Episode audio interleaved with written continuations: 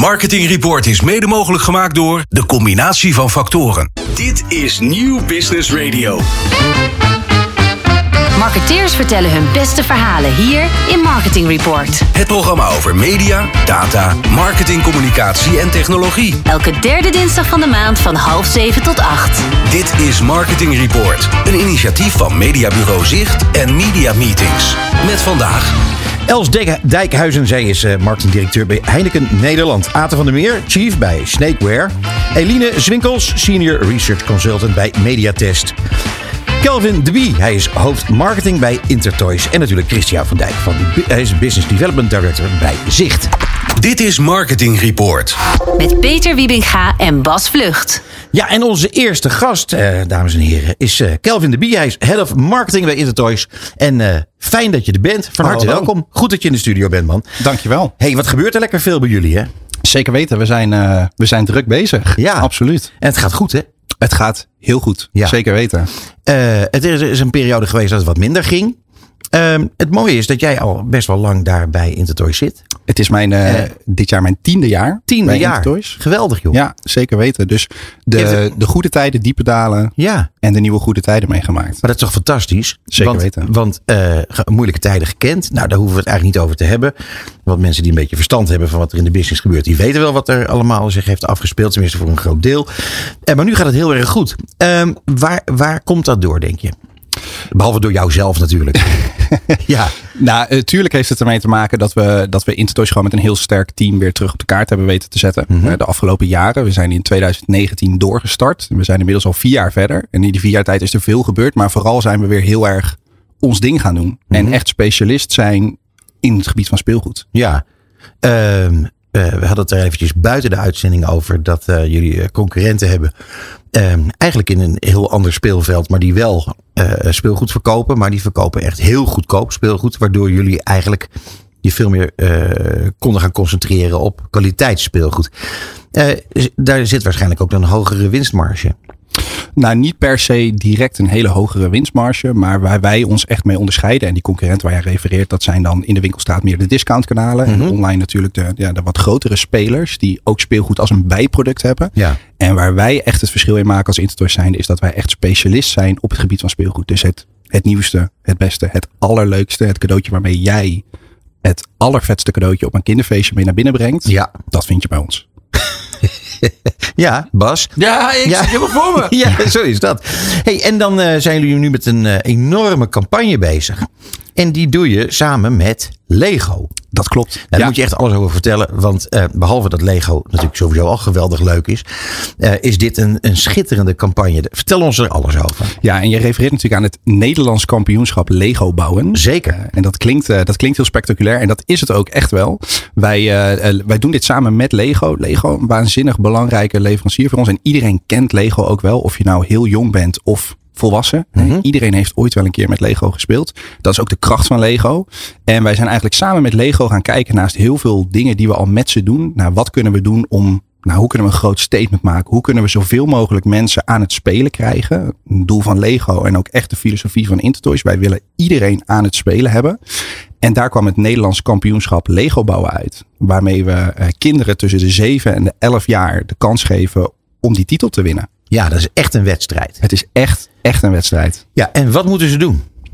Eh, aanmelden is eigenlijk heel simpel. We willen dat ook zo toegankelijk mogelijk houden. Want iedereen zou mee moeten kunnen doen. Dus kids tussen de 7 en de 11 jaar. Die kunnen zich aanmelden om mee te doen op een aantal wedstrijddagen. Die in augustus plaatsvinden. Oké. En tijdens die wedstrijddagen gaan zij bouwen. Krijgen ze bouwopdrachten vanuit een thema wat ze zelf mogen kiezen. Dus als jij fan bent van Lego Superhelden. Kan jij meestrijden in de kampioensdag om Lego Superhelden. Oké. Lego City, Lego Technic, al die Lego thema's die komen daarin terug. En uiteindelijk hebben wij vijf kampioensdagen. En de winnaar van iedere kampioensdag strijdt in een grote finale om die titel Nederlands kampioen Lego bouwen. Het is toch schitterend, joh. Nog even een vraag over die, die verschillende eh, eh, thema's die je kunt kiezen. Ehm, is het nou het ene thema populairder dan het andere? Is er bijvoorbeeld eh, één categorie die er enorm uitspringt? Ja, wat, wat op dit moment wel heel erg opvalt, is met name eigenlijk de Lego voor volwassenen. Ja. dat, is, dat, dat klinkt heel gek. En nee, je lacht er ook een beetje om inderdaad. Lego voor volwassenen. En dat, dat bevindt zich door het hele gamma wat Lego heeft. Verschillende thema's. Ehm, maar dat is eigenlijk specifiek voor de volwassen fan. Mhm. Die nog steeds met Lego speelt. En dat is een enorme groep. Echt waar, joh? Het is een enorme daar komt Bas, die heeft een vraag. nou, is leuk. Eh, Peter en ik wonen in Haarlem. En daar eh, al heel lang. En daar eh, een aantal jaar geleden verscheen er opeens een café waar je spelletjes kon doen. En, eh, en daar zitten geen kinderen in. Het zijn allemaal volwassenen. En dat vinden Ja. mensen heel erg leuk. En niks, Afgeladen. Niks digital online of wat dan ook. Dus ik verbaas me niks dat dit. Hè, ik zag ook Ja. overigens bijvoorbeeld eh, kleuren voor volwassenen. Dat bestaat ook echt. Er is, het- en het grappige is, en dat is een beetje een, een bijeffect van corona geweest. Eigenlijk hè, als we terugkijken op de coronaperiode. Een tijd waarin we heel veel thuis zaten. Heel veel op zoek zijn gegaan naar andere manieren van bezig zijn. Eh, hebben heel veel mensen het spelen weer ontdekt. En of dat nou het bouwen van een Lego set is. Of het spelen van dat bordspel of dat kaartspel met een groep vrienden of met familie. We zijn ook na corona gewoon blijven spelen. En dat spelen dat is vooral onder jongvolwassenen en volwassenen echt een enorme groep. En in speelgoed op dit moment ook echt wel de grootste groeidrijver van de speelgoedbusiness. Ongelooflijk, hè? Je had het trouwens net over dat eh, iedereen wel eens heeft gespeeld met Lego. Ik denk je daar gelijk in hebt. Ik denk ook dat bijna iedereen wel eens eh, met zijn blote voet op een Lego-steentje heeft gestaan. Zeker weten, zeker weten. De horror. dat is echt afschuwelijk. maar goed, dat even terzijde. Eh, eh, waar ik graag naartoe wil, is naar eh, hoe je die campagne in elkaar zet. Want jullie bouwen enorm op, eh, op YouTube. Zeker, ja. Eh, dat betekent dat je heel veel in eigen hand hebt en dat je eh, flexibel bent, denk ik. Heel flexibel. En eh, de, onze activiteiten op YouTube. We, we hebben eh, anderhalf jaar geleden zijn we echt een nieuwe richting ingeslagen op marketing. Een, een marketingstrategie die veel meer past bij deze tijd. Maar ook bij ons product en bij de doelgroep. Ja. eh, kind en volwassenen. En content is ontzettend belangrijk in die strategie. En vanuit die content is het, de filosofie is zien spelen, doet spelen. Dat geldt voor kind en voor volwassenen. Waarbij we dus inzetten op content vanuit ons als specialist voor de fan van is het Lego, is het Pokémon, is het Ja. kinderen die spelen met speelgoed. Dat is waar kinderen eigenlijk het liefste naar kijken. Echt waar? Echt waar. Echt waar. En ki- kinderen halen daar hun inspiratie vandaan. Eh, trends, rages, dat soort zaken. Eh, Kids kijken vaak heel graag naar andere kids die bezig zijn met wat dan ook. En ook met speelgoed. Het mogelijk? En de, die contentstrategie die, die begon heel kleinschalig. Ehm, en wij zijn eh, inmiddels is het NK Bouwen ook onderdeel geworden van die strategie. Waarbij we dus, we, we doen een evenement organiseren. Dat zijn die bouwwedstrijden voor het NK Lego bouwen. Maar dat Ja. is eigenlijk maar met een kleine selectie in een studio setting. Ehm, uiteindelijk wordt het NK Bouwen een online serie die we op het YouTube kanaal van Intertoys wekelijks zullen gaan publiceren vanaf september. Waarbij Oh. mensen echt bijna in een soort tv-format-achtig gevoel kijken naar de ontknoping van het Nederlands kampioenschap Lego bouwen. En, en, zie je dan, eh, krijg je dan ook wat, wat te zien over het voortraject? Of zit je gewoon echt een soort van live-achtige show te kijken? Nee, je, kijkt, je krijgt echt alles mee. Van opbouw tot de kids die aankomen in de studio. En we werken daarvoor samen. En dat is leuk om te vertellen met een partij, eh, een vast bureau van ons, onze video agency. Dat is Dunkt met productiepartner Flimse. Twee partijen waar wij ooit anderhalf jaar geleden mee zijn gestart op TikTok. Ja. Om gewoon content voor ons te maken op TikTok. Eh, en inmiddels is dat uitgegroeid tot de contentstrategie op YouTube. Dus alle verschillende formats die we daarop loslaten. Video's van events en zelfs onze, onze spots. Hè, onze Sinterklaas commercial, onze kerstcommercial en dergelijke. Maken we allemaal met één en dezelfde partij. Ja, te gek. Zeg, en die, die, die, eh, dat TikTok-verhaal, dat, be- dat begrijpen we natuurlijk allemaal heel goed. Eh, vervolgens ga je van TikTok het verhaal uitbreiden.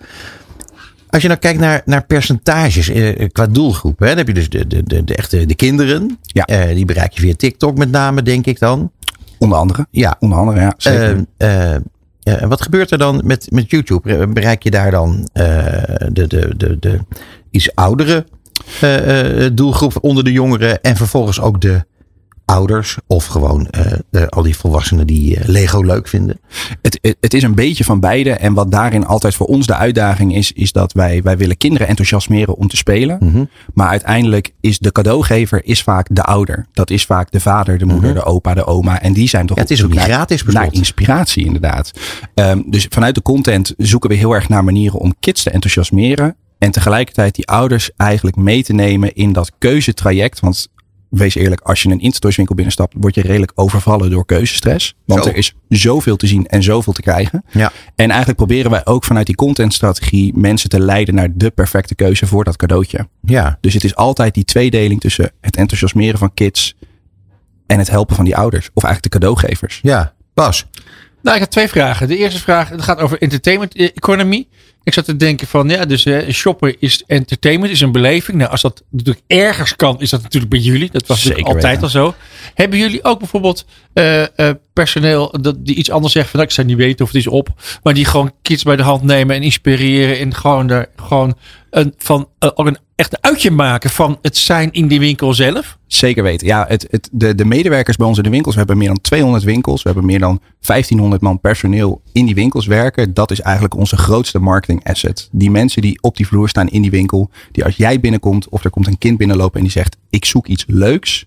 Die mensen die blijven met jou aan het handje door die winkel lopen totdat jij dat leuks gevonden hebt. En we zorgen er ook voor dat we de mensen de juiste informatie geven. En we werven daarin ook bijna naar fans van onze producten. Wij zijn op zoek naar mensen die bijvoorbeeld fan zijn van Lego, fan van Pokémon, fan van gaming. Ah, tof. Want als jij fan bent, dan kan jij als beste het verkoopgesprek voeren met die persoon die dat ene cadeautje zoekt. Leuk. Mag ik nog een vraag stellen, Peter? Ja, zeker. Ja, is dat nog een vraag? Ja. ja. Kijk, wij zijn natuurlijk ge- opgevoed. Dan heb ik het over wij, Peter Ja. en ik. Hè, met eh, meer online, meer online, nog meer online, nog meer, nog meer, nog meer, nog meer, nog meer. En we weten natuurlijk uit de, de wetten van de natuur, dingen gaan op en neer. Dus dat moet eens een Zeker. keertje teruggaan. Dus ik zat nu net naar jou te luisteren. Ik denk, misschien is dat nu al gaande. Dat mensen zeggen van, wow, ik, ik heb iets wat ik echt kan vasthouden in 3D. Wat is dit? Ja, Is zeker dat al gaande? Ja, en, en Ha. eigenlijk is die beweging altijd wel zo geweest bij ons. Ja, maar het is grappig, want ik wil even, even op inhaken, Bas. Want namelijk, daar hebben wij het heel even over gehad. Namelijk dat eh, een van de grote successen van Lego bijvoorbeeld is Minecraft. En Minecraft is natuurlijk online begonnen. Eh, en, en intussen kunnen dus kinderen of volwassenen, als ze dat leuk vinden, die kunnen dus Minecraft, dingen bouwen. In En het- Lego. ja, het is, natuurlijk, het, het is natuurlijk ontzettend voor de hand liggend. Zeker maar weten. ontzettend slim en, en grappig dat dat zo'n succes is. Ja, en daarin geldt ook echt wel, speelgoed is ook echt wel een emotieproduct. Je wil het zien, je wil het aanraken. Je wil het niet te veel aanraken in de winkel, want dan maakt het heel veel geluid. En sommige kinderen vinden dat heel leuk en andere kinderen die zoeken dan weer wat anders op. Maar uiteindelijk is inderdaad echt die, hè, wat je zei, die trip naar die fysieke winkel. Dat is ook echt wel waar wij, dat is echt wel de core van onze business. Om die fysieke winkel zo centraal mogelijk te stellen waar die vriendelijke medewerker jou advies geeft voor het vinden van dat cadeautje. Waar dat cadeautje gewoon perfect wordt ingepakt. Waarbij je eigenlijk gewoon de held op het feestje bent op het moment dat je binnenkomt lopen. Ja, Wauw. ja dat is mooi. Heb één kleine opmerking, heel kleine Ja, doe opmerking. maar dan. Ja, Ja. Nou, een complimentje. Als ik de baas was van Intertoy en jij kwam solliciteren, zou ik je meteen aannemen. Kijk, dat vind ik een heel aardige Nou, dat- opmerking. ja, en daar strooit hij niet mee, kan ik je verzekeren. nou, dat is te gek. Eh, nou ja, tenslotte dan even Kelvin. Ehm, eh, eh, je, jij had aangegeven dat jullie de campagne hebben verlengd vanwege de Dat vakantieperiode. klopt inderdaad. Dus dat moet je nog wel even snel Ja, even zeggen. ja, Want namelijk al die marketeers die luisteren, die hebben ook allemaal kinderen per slot. Precies, ja. Want het, het aanmelden voor het Nederlands kampioenschap Lego bouwen is dus verlengd. Die aanmelding sloot eigenlijk afgelopen donderdag. Hier. En wij zouden aanstaande maandag de studio ingaan met enthousiaste kids om te bouwen. Maar het is natuurlijk midden van de zomervakantie. En zo flexibel als we zijn, hebben we dus ook gewoon de productie van het NK bouwen verplaatst naar medio augustus. Dus tot en met donderdag 3 augustus eh, kunnen kids tussen de 7 en de 11 jaar zich nog aanmelden. Helemaal te gek. Kelvin de Bie, Head of Marketing bij Intertoys. Ontzettend veel dank voor jouw komst naar de studio en voor je geweldig mooie verhaal. Dankjewel. Dit is Marketing Report op Nieuw Business Radio. Onze volgende gast is Eline Zwinkelzees, eh, Senior Research Consultant bij Mediatest. En je bent hier eh, bij ons in de uitzending voor de tweede keer. Eh, en wij verheugen ons eh, eigenlijk ook al op de derde. Maar we laten we eerst die tweede even doen. Ja, leuk om hier te zijn weer. Ja, fijn dat je er bent, joh. Hey, eh, Eline, eh, Mediatest. Eh, Ja. eh, een bureau waar wij al heel erg lang mee werken met eh, Marketing Report. Eh, tot onze grote tevredenheid. Jullie doen ieder jaar eh, Marketing 100, Media, eh, media 100, de, de, de Influencer 100. Nou, de, Ja. de hele, de hele serie. Eh, een van de meest populaire dingen die er in het jaar gebeuren. Dus daar, daar zijn we ieder jaar weer ontzettend blij mee. En nu hebben jullie een jongerenonderzoek gedaan. Een white paper uitgebracht. Ja, En daar gaan we uitgebreid over praten. Ehm, even overkoepelend. Wat gebeurt er in het leven van jongeren? ja eh, dat is een hele overkoepelende vraag. Ja, vind je Eh, ja, vind ik wel. Ehm, ja, wat we eigenlijk zien, we doen deze meting nu voor de zevende keer. Eh, sommige jaren hebben we hem twee keer gedaan, maar we zijn in 2018 mee gestart. En wat we eigenlijk ieder jaar doen, is dat we een bepaalde set aan vragen ieder jaar terug laten komen. Zodat we heel goed ook ontwikkelingen uh, over de loop der jaren in kaart kunnen brengen. Ja, goed vergelijken. Um, goed vergelijken, inderdaad. En wat we eigenlijk zien gebeuren, is dat het ja, afgelopen jaar helemaal niet zo heel goed gaat met de jongeren. Um, wat zich, nou ja, overkoepelend kunnen we uh, stellen bijvoorbeeld dat ze voor hun gezondheid, uh, zowel mentaal als fysiek, geven jongeren zichzelf gemiddeld een 6,9. Nou, als we het over jongeren hebben, hebben we het over jongeren in de leeftijd 15 tot 35 jaar, die eigenlijk ja, volop in het leven staan, vol energie moeten zitten. Ja. Dus dan is een 6,9 best wel laag. Magertjes, ja. Ja, ik was, ja, was je er vroeger op school uh, tevreden mee? 6,9? Absoluut niet. Nee. Ik, ik, uh, ik, ik, had het volgens mij uh, overwegend geweldig goed naar mijn zin. Ja, dat, Ja. en dat is ook belangrijk. Maar dat, dat zien we dus. Um, en omdat we die vraag de afgelopen jaren steeds gesteld hebben, zagen we in 2020 hebben we die vraag gesteld. Toen was het nog een 7,6. Nou, in Zo. 2020 uh, hebben we het onderzoek uitgevoerd echt net een maandje voordat nou, COVID begon in Nederland. Dus wat achteraf gezien eigenlijk de perfecte nulmeting is geweest. Ja. Wisten we op dat moment niet. Maar we zagen dus, uh, toen was het een 7,6. Vorig jaar hebben we het onderzoek uitgevoerd toen uh, uh, ja, net eigenlijk alle restricties voorbij waren. Dat de Mhm. kroegen weer open waren en alles voorbij was. Toen was het een 7,2. Dus we dachten van, hé, hey, Hmm. het is nu... uh, Dat valt eigenlijk wel mee. dat, nou ja, we zagen dus dat het gedaald was van een 7,6 naar een 7,2. Maar we dachten, daar is een logische verklaring voor. Ja. Want ze hebben net twee jaar in de lockdown gezeten. Maar we hadden eigenlijk verwacht dat dit jaar dus weer terug uh, gebounced zou zijn omhoog. Maar eigenlijk is het nog verder afgenomen. Dus dat is best wel een zorgwekkende ontwikkeling uh, uh, Ja. ja, in het leven van de jongeren. Ja, Ehm, en dat is eh, interessant voer voor marketeers. Ja, Alleen die moeten dan wel weten wat ligt er aan ten grondslag. Ja, um, er, ja, er zijn verschillende redenen voor, te voor te bedenken, voor te vinden ook uit ons onderzoek. Um, we, we zien bijvoorbeeld als overkoepelend aspect dat de jongeren heel veel onzekerheid ervaren in het leven. Dus uh, nou ja, een groot deel, meer dan de helft van de jongeren geeft aan dat ze moeite hebben om uh, rond te komen in het leven. Uh, ze maken zich zorgen over het klimaat. Uh, een groot deel is ook bang dat artificial intelligence op een gegeven moment hun baan gaat overnemen. Had je, eh, eh, wie zijn dat dan? Want je zegt jongeren tussen de, wat was het ook alweer? 15 en 35. Ja, dat vind ik, dat vind ik wel een, een enorme groep Ja, trouwens. ja, dat klopt. Ja. Dus zijn, zijn die van 15 ook bang dat eh, AI hun werk gaat afpakken? ja, die werken natuurlijk op het moment nog niet. Maar die, hebben wel, ja, die zijn wel ook van mening van... hé, hey, dat kan in de toekomst een Ja. bedreiging voor mij vormen. Maar tegelijkertijd zien we ook wel dat van, deze, van die groep... we hebben het opgedeeld in drie, uh, drie leeftijdsgroepen. Dus bijvoorbeeld de groep 15-21. Dus dat zijn voornamelijk studenten en scholieren. Uh, maar die gebruiken wel in hele hoge mate... gebruiken ze die AI, gebruiken ze al. Dus ja, het is, ze gebruiken het... maar ze zien ook wel dat het een bedreiging voor hun kan vormen... Uh, coming. in de toekomst. Ja, misschien, misschien ja, ze bereiden zich voor. Ja. Ja, Maar goed, dan zou je toch denken dat eh, als je er een beetje verstand van hebt, je verdiept je erin. Dat je dan eh, denkt van nou, weet je wat, die gaat niks van mij afpakken. Dit gaat eh, iets aan mij toevoegen. En aan het werk wat ik ga doen. Ja, of dat, al doen. ja dat, dat zal de toekomst waarschijnlijk gaan, uh, gaan leren. Maar goed, dat blijkt dus nog niet uit het onderzoek. Dat is een ding dat zeker is. nee, nee. Ja, dat is wel verdomd interessant. En hoe zit het met, met eh, verslaven, verslavingen aan, eh, aan de social media? Dat hebben jullie dat ook getest? Ja, we hebben gevraagd in hoeverre ze verslaafd zijn. Aan verschillende aspecten hebben we gevraagd. Nou, we zien social media, daar zijn ze in hele hoge mate verslaafd aan. En eigenlijk geldt daar hoe jonger ze zijn, hoe vaker ze zichzelf als verslaafd zien. Uh, dus zeg maar van die jongste groep, wat ik net zei, tussen de 15 en de 21, zegt drie kwart eigenlijk. Nou, ik ben drie wel. kwart? Ja, drie kwart Wow. ziet zichzelf als verslaafd aan social. Um, en we hebben daarbij bijvoorbeeld ook gevraagd van nou, wat zijn gevolgen die je ervaart van social media? Dus bijvoorbeeld een derde van de jongeren die geeft aan van nou, na het gebruik van social media erv ervaar ik wel eens depressieve gevoelens of ben ik wel eens depressief of ja, voel ik me bijvoorbeeld buitengesloten. Dus die negatieve, uh, ja, ze gebruiken het in, in hele hoge mate. Uh, ze zijn in hele hoge mate verslaafd, maar ze ervaren ook die, die negatieve gevolgen ervan. Ontzettend. Ja, ja, Wat erg. ja. Um, dat betekent dus dat, dat die verslaving dermate erg is dat ze dus niet de conclusie kunnen trekken van joh, ik knap er eigenlijk helemaal niks van op, laat ik ermee ophouden. Nee, klopt. Nee. Dat is toch bizar? Ja, ja, gemiddeld gebruiken ze uh, vier uur per dag gebruiken ze social media. En daar geldt ook, dus vier uur is het gemiddelde van die jongeren tussen de 15 en de 35. Maar daar geldt ook hoe jonger ze zijn, uh, hoe meer social media ze gebruiken. Mm -hmm. Dus zeker die jongste groep, uh, ze gebruiken het het meest, ze zijn het vaakst uh, verslaafd.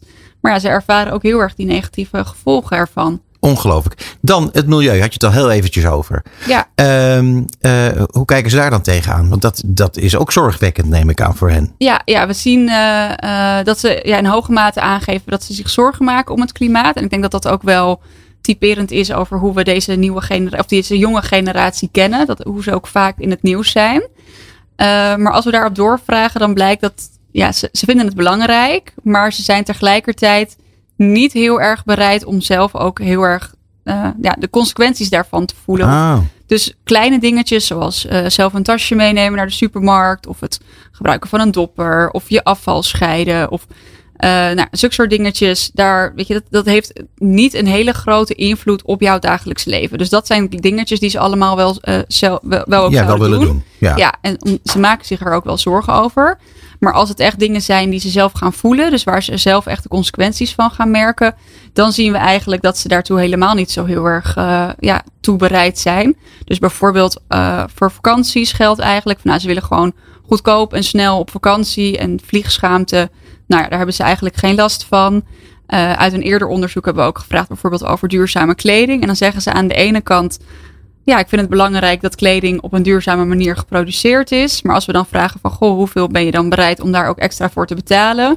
Nou, dan zijn ze eigenlijk niet of nauwelijks bereid om daar ook extra voor te betalen. Dus ze vinden het belangrijk en ze maken zich er zorgen over. Tot het moment dat ze er zelf echt heel erg ja, Ja. op moeten inleveren. Want dan ja, houdt, het eigenlijk, eh, houdt het eigenlijk op. Dan is nog iets anders heel erg verontrustends. Wat jij eh, eh, mij al vooraf een beetje aangaf. Dat is eh, veel jonge vrouwen die zich overwerkt voelen. Ja, Daar moet je even alles over vertellen. Want dat vind ik zo'n gek verhaal. Ja, ehm, we hebben gevraagd in de- inderdaad in hoeverre jongeren zulke soort gevoelens ervaren of ja, deze situatie herkennen. Ehm, en we zagen nou ongeveer een derde van alle jongeren die voelt zich overwerkt. Maar als we dan verder inzoomen op verschillende leeftijdsgroepen en op de verschillende eh, geslachten, zien we dat dus vooral die groep jonge vrouwen. Dus dat zijn de vrouwen tussen de 15 en de 21 Dat zijn eigenlijk meisjes. eigenlijk nog meisjes die nog veel naar school gaan of studeren. Dat daarvan eh 41% zegt dat ze zich overwerkt voelen. Dus dat is heel erg opvallend. 41 procent, Ja. jongens. Voor die, voor die jongste groep, dus de 15 en de 21, die nog volop eigenlijk leuke dingen horen te doen en Ja. Plezier horen te maken, die voelen zich juist heel vaak overwerkt. Ehm, wat natuurlijk heel zorgwekkend is, omdat ze, werken nog niet eens. Ze gaan nog naar school, ze studeren nog. Maar dat is wel ehm, wat, wat we uit voorgaande onderzoeken ook, eh, eh, ja, gecombineerd uit voorgaande onderzoeken en dit onderzoek, wat we daar voren zien komen. Dus ze vinden het eh, belangrijk om goede resultaten te behalen op school. Ze willen tegelijkertijd ook werken, want ze willen ook ja, geld kunnen uitgeven om leuke dingen te doen. Ze vinden het belangrijk om tijd door te brengen met vrienden en familie. Eh, ze vinden het belangrijk om te sporten, om een gezond leven te leiden. Dus ze leggen zichzelf gewoon heel erg veel druk op. Dus dat overwerkte gevoel komt niet alleen echt uit werk, maar komt gewoon uit nou ja, die vijf dingen die ik net Ja. opnoemde, van wat ze eigenlijk allemaal belangrijk vinden. Ehm, ja, en, en dat is En die druk wordt veel. vergroot via de socials natuurlijk weer. Ja, dat, dat kan inderdaad. Dat je ziet van, hé, hey, die persoon die heeft wel geld om daar en daar naar op vakantie te gaan. Of naar dit feestje. Of de- deze persoon heeft Dure eh, kleren. dure kleding. Of deze persoon heeft een afgetraind lichaam. Dus die brengt heel veel tijd door in de sportschool. Dus dat moet ik ook doen. Ja. Dus dat wordt daar, weet je, het perfecte plaatje wat op social media wordt eh, geschetst. Kan daar ook zeker Mhm. aan, eh, aan bijdragen. Bas? Ja, ik had twee vragen. Is er ook iets leuks gekomen uit het onderzoek? Eerst, eerste vraag. Eh, ja. Oh, nou, Ja. vertel. Eh, ja, ja, wat vind je leuk? Nou ja, ik weet niet. Een, een uitkomst waarvan je zegt van... Wow, dat is verrassend en bijzonder. Ik weet er één, ik eh, weet er één. Ja? Ja, ik weet er één. Nou, dat eh 86% heeft een betaald abonnement op Spotify. Ja. Nou, dat vind ik veel. Dat is natuurlijk leuk nieuws voor Spotify. Maar voor marketeers die denken van... goh, ik ga mijn doelgroep bereiken via Spotify... is dat eigenlijk helemaal niet zo leuk. Want als zij dat kanaal willen inzetten in hun, in hun mediamix... dan, ja, dan eh, bereik je nog maar bereiken ze 14%. Maar 14% van de jongeren wordt ja, daar, daarmee eh, bereikt. Sorry Bas. Ja, ik vond het niet echt leuk. Het was meer gewoon een, een, een hoog was het eigenlijk. Ja. Hey, en eh, mijn andere vraag, eh, dat is van ehm eh, eh, toffe onderzoek, of in ieder geval interessant. En wat, eh, wat zijn nou handvaten waar marketeers iets mee zouden kunnen? Kijk, je moet natuurlijk alles weten van je doelgroep, dat is heel Ja, erg belangrijk. Maar ik kan me ook voorstellen dat marketeers denken van, wauw, interessant. Wat, wat zou jij denken van, wat, wat, iets wat heel, wat heel interessant is voor marketeers specifiek? Uh, ja, we, ik zou sowieso even aanraden om ons whitepaper te downloaden via de website van mediatest.nl. Ja, daar staat echt heel veel informatie in. Um, maar wat we bijvoorbeeld zien is dat uh, nou ja, verschillende vormen van reclame hebben we gevraagd. In hoeverre ze daar negatief tegenover staan. Uh, nou, minst negatief staan ze tegenover out of home, ja. uh, reclames in tijdschriften, reclames in kranten. Dat is natuurlijk een beetje ja, discutabel, omdat dat ook kanalen zijn die ze niet echt heel erg veel gebruiken. Um, tegelijkertijd zien we dat bijvoorbeeld reclames bij influencers, dat ze, dat, dat ze daar redelijk oké mee zijn. Ze vinden het op zich wel irritant als het tussendoor komt, maar tegelijkertijd snappen ze het wel. Gaan ze ook vaak over tot, uh, tot aankoop. Um, verder advertenties in podcast. Dus dat er bij een podcast dat de host uh, een reclame maakt voor een bepaald merk. Dat vinden ze, uh, ja, daar zijn ze oké mee. En verder, ja, ze gebruiken veel on-demand diensten natuurlijk. lastig om daarop te adverteren. Maar dat is wel waar, ja, waar jongeren veel gebruik van maken. En natuurlijk van de, ja, van de social media kanalen. Eline, je zal het niet geloven. Misschien herinner je nog van de, van de vorige keer. Maar het, het zit erop. Oké. Okay, en dat is jammer. Ja. Maar ik uh, wil toch nog graag dan even roepen voor alle luisteraars dat de whitepaper te downloaden is op mediatest.nl. Eline Swinkels, Senior Research Consultant bij Mediatest. Dankjewel. Ja, dankjewel. Nieuw Business Radio. Marketeers vertellen hun beste verhalen hier in Marketing Report. Het programma over media, data, marketing, communicatie en technologie. Elke derde dinsdag van de maand van half zeven tot acht. Dit is Marketing Report, een initiatief van Mediabureau Zicht en Media Meetings. Met vandaag. Ate van der Meer, chief bij Snakeware, is in onze uitzending. Uh, Els Dijkhuizen, marketingdirecteur van Heineken Nederland. En Christian van Dijk, business development director bij Zicht. Marketing Report. Zicht op media. Christian, om te beginnen, fijn dat je er bent. Ja, uh, maar uh, verrassingen, ja, we, gaan, we, gaan, we hebben natuurlijk weer prachtige onderwerpen. Dat zijn we voor jou gewend. Uh, vandaag gaan we het hebben over, eigenlijk over twee belangrijke onderwerpen. En Ja. als jij die even bekend wil maken, dan uh, heel graag. Ik wil even stilstaan bij de radioveilingen. En ik wil even stilstaan bij de laatste ontwikkelingen rond Twitter. En eh, als ik het goed uitspreek, threads. Ja, Fred. Ja, Ja, superleuk. Dus we gaan beginnen met, eh, met, eh, met de radioveiling. Want ja. ik bedoel, radio is natuurlijk een, een, een vast onderdeel bij, bij, bij, de, bij, dit onderdeel in ons programma. Ehm, dit, hier hebben we het al een paar keer over gehad. Dat het eraan zat te komen. Hoe het zou, hoe het zou gaan werken. Wie zou wat krijgen. Ehm, het is een, eigenlijk een hele eigenaardige toestand. Ja. Ehm, en, Ja. Maar jij weet er intussen alles van. nou niet alles, want het blijft inderdaad een... eh, Veel geheim. eh, nou, veel geheim. Eh, het is natuurlijk ook best wel complex. Het is- er gebeurt veel. Terwijl heel veel mensen radio weten omdat ze een paar radiozenders krijgen. Maar aan de achterkant zit natuurlijk heel veel. Ja. Dus la- laten we er een paar dingen uithalen. Eh, we gaan niet helemaal de diepte in. Maar wat wel leuk is om even bij stil te staan. De, de veiling is ooit aangevraagd. Of eigenlijk geëist door Kink FM. ja, precies. Want die, eh, het zou eigenlijk gewoon automatisch verlengd worden. Alle licenties die er zijn. Eh, daarvan zei Michiel Veenstra van Kink FM. Ja, wacht even. Dit kan niet zomaar. En anders maak ik er ook geen kans op. Met die veiling, die dan dus toch gekomen was, omdat de rechter Ja. hem gelijk had gesteld, eh, komt dus gewoon 152 miljoen euro in de staatskas. Ja. Anders was hij er niet geweest. Nee. Dus, Dus, dat de, is wel heel apart. Dus eh, ik hoop dat er dan eh, voor Kink nog een, eh, een, een leuke kickback in zit. Het zou wel mooi zijn Ja. voor hem. Want ze hebben uiteraard niks, eh, of niet uiteraard, sorry, dat zeg ik verkeerd. Ze zijn uiteindelijk niet zo aan het ver kortste gegaan. eind, aan het kortste eind getrokken. Ja, maar dat, dat, dat zie je ook. De bedragen zijn natuurlijk enorm wat er Ja. betaald wordt. Dus Ja. eh, voor, de, voor de tien kavels eh, eh, of negen, die, zie je dat er eh, nu... Is er per, per ding bekend wat er betaald is of alleen een totaalbedrag? Eh, nou, het totaalbedrag rond 52 miljoen. Eh, volgens mij is er, ik weet niet alle cijfers die er bekend zijn, maar bijvoorbeeld wel dat er eh 6 miljoen betaald is voor die nieuwe eh, zender. Eh, Financial eh, ding, wat is dat ook alweer? Dat? Financial News Radio. Ja, en die is dus nieuw. Dat is voor Ja. 6 miljoen. Dus dat bedrag weet ik wel. Oké. Andere weet ik eigenlijk niet. Maar dat is wel dus gemiddeld genomen, want dat kun je natuurlijk gewoon delen. 12,7 miljoen betaald per eh, Ja. kavel. Eh, dat was bij de vorige veiling 29,5 miljoen. Dus je ziet wel dat Oh. daar een enorme eh, eh, daling, bijna een halvering is gekomen. is voor 12 jaar dit, hè? Ja, en ik denk dat dat wel een, een, een, ja, een soort waarschuwing is van oké, er wordt dus wel verwacht dat FM steeds minder gaat opleveren. Ja. Dus het belang van FM wordt steeds groter. Snap ook wel, hè, DHB komt natuurlijk op. Ja. Eh, maar ook Spotify, de podcast. eh, dat, dat gaat natuurlijk allemaal opkomen. Dat gaat ergens snoepen van, eh, van de luistertijd. Maar dat is heel interessant, hè? Want namelijk waar er eerst, en overigens toen de tijd op terecht, eh weinig vertrouwen was in podcasts. En die verdween ook een beetje, maar die is Ja. in volle hevigheid teruggekomen en here to stay. Eh, maar dat, dat je dus echt ziet dat er heel veel vertrouwen is in, in, in die nieuwe kanalen. In dat D- DAB+.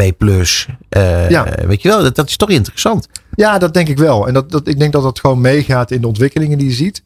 Eh, hè, zeker ook, want je, jij haalt de podcast even aan. Ehm, daar heb ik ook wel even naar gekeken. En wat daar enorm opvalt, wat mij opviel, is dat de meeste downloads komen dus in de spitstijden van de podcast. Hmm. En dat zijn natuurlijk ook de piekmomenten van radio. Tuurlijk. Van het FM Ja, eh, ja, maar. Want iedereen zit in de auto. Maar je ziet dat daar dus per week 5 miljoen podcasts gedownload worden. Waarbij dus het merendeel in die piekmomenten 5 van de miljoen per week. zo. Ja, dus dat is, dat is wel veel. Dus dat snoept best wel wat af van die, eh, van die luistertijd. Terwijl die best wel stabiel is. Weet je, die, die luistertijd. Maar dat, de, er wordt met deze eh, veiling is er wel gekeken van oké, kunnen wij dit nog, eh, nog eh, terug gaan verdienen? Ja. En we moeten daar rekening mee houden, zeg maar. Nou, deze mensen Dus- hebben daar wel verstand van. Dus die hebben 152 miljoen neergelegd.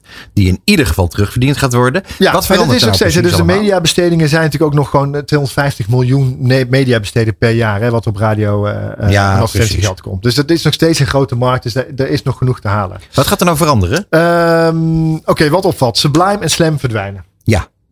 Niet heel sch- schrokkend, denk ik. Ik denk dat Sublime Slam wel echt fans hebben. Hè, dus dat, dat zit een beetje natuurlijk in die niche. Ehm, maar die gaan eh, zich verder ontwikkelen op DB+.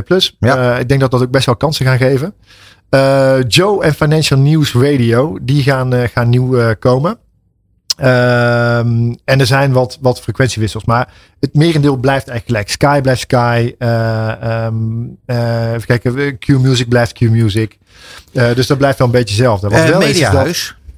ja, Dat is wel een Ehm, interessant dingetje, of niet? ja, die had natuurlijk vier frequenties. en Die houdt er eigenlijk maar twee over. Eh 100% NL en Veronica. Mhm. Dus dat, ik denk dat als je eh, in winnaars en verliezers moet praten van deze veiling. Nou, dan mag je voorzichtig concluderen dat Mediahuis wel een eh, verliezer is. Ik denk dat de andere partijen er gewoon eh, goed uit zijn gekomen. Mhm. En ik denk dat BNR blij is met dat ze blijven. Eh, maar ik denk wel dat ze schrikken van eh, Financial News Radio. En die hebben ook. gezegd, we gaan met financieel nieuws komen. Eh, er zit een ondernemer achter. Ik denk met veel geld, want anders leg je niet zomaar 6 miljoen neer. Ja. Ik had met Rogier toevallig over. Hij zei: Ik had eigenlijk ook wel een leuk eigen kavel willen hebben. Maar ja, wat ga je daar dan mee doen? Hij gaat het neerzetten. Financieel nieuws. wel wat meer gericht op jongeren. Eh, Oh. Dus dat woord, eh, dat kan een geduchte tegenstander worden van BNR. Ehm, het voordeel mensen- wat hij heeft. Er zijn ook mensen die zeggen dat hij het alleen gekocht heeft om zo snel mogelijk weer door te verkopen. Ja, daar wordt over gespeculeerd. Eh, dat zou kunnen zijn dat hij dan wellicht misschien naar een buitenlandse partij gaat. Want dat valt ook op hè, bij deze veiling. Er is geen buitenlandse speler gekomen. En die was Wat er je wel. bijvoorbeeld die, die bij, waren, ze eh, waren er wel. Ze waren er, maar ze hebben dus niet eh, misschien meegedaan, maar niet gewonnen. Eh, en dat vind ik grappig. Bij eh, tv zie je dat anders. Hè. Viaplay kwam Ja. natuurlijk, eh, kwam natuurlijk vrij snel eh, op met een grote zak geld. Dus misschien is dat wel een goede speculatie, Bas. Dat is zeker, eh, zeker een mogelijkheid. Hij heeft het voordeel dat er geen clausule op zit. Dus hij mag doen wat hij wil. Dus het kan financieel nieuws worden. Als hij denkt van ja, ik ga eh, iets anders doen en ik ga daar eh, luisterboeken voorlezen, dan kan dat ook. Mhm. Als dat een eh, commercieel Ja, model precies. is, zeg maar. dus ik weet niet of dat, of dat zo is. Nee, maar dus dat, ik denk dat BNR wel... Ja, die gaat het spannend vinden. Dat denk ik wel. Weet je, die pakken niet al... zitten in een hele goede niche. Wanneer begint het eigenlijk, dat, dat financial news? Eh, Oeh, Weet je dat? Goeie vraag. Is dit eh, september, denk ik? 1 september. Eh, Dankjewel. Durf ik even... Die moet je even... eh, Ah, we horen het hier van, eh, Ja. van een Nee, specialist. wat ook wel grappig is, achter is de dat knoppen. inderdaad de, de Radio 10 wordt dus de, de, de nieuwe zender van de DPG. Dat is eh You, Joe. Eh, die vind ik ook wel leuk, want dat is natuurlijk een frequentiewissel. En eh, ik stap in mijn auto en stel de Radio 10 staat op. Ga ik dan zoeken naar de nieuwe Radio 10 of gaat daar, eh, eh, ga ik toch blijven? Ja, En vind ik het toch spannend en wil ik even kijken wat het is. Dus gaat Radio 10 luisteraars verliezen is- omdat dat- ze lui zijn en niet gaan zoeken. We hebben daar geen ik data wel. over. Ik denk Ja. dat wel, eerlijk gezegd. Ik denk ook dat ik, ik, als ik persoonlijk zeg, ik blijf misschien wel even kijken en Tuurlijk. eh, even luisteren wat daar, wat er speelt. En dan Nee. weet ik niet of ik het nog ga zoeken, zeg maar. Nee, Luister precies. jij dan naar Radio 10 dan, Christian? Ik luister voor mijn vakgebied naar alles. Hier, zo, zo, zo mag Ja. ik het horen. We Ja. het toch over hebben. Radiocijfers.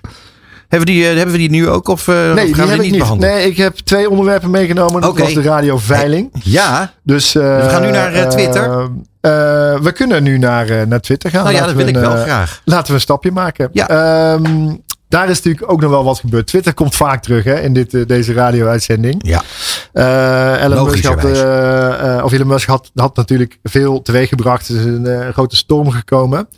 Ehm, wat, even kijken wat daarmee gebeurt. Is dat ze nu toch ook echt wel een probleem hebben. En hij het zelf erkend heeft. Dat ze toch de helft van de adverteerders kwijt zijn geraakt. Ja. En dat in het, Dat is veel toen het net begon.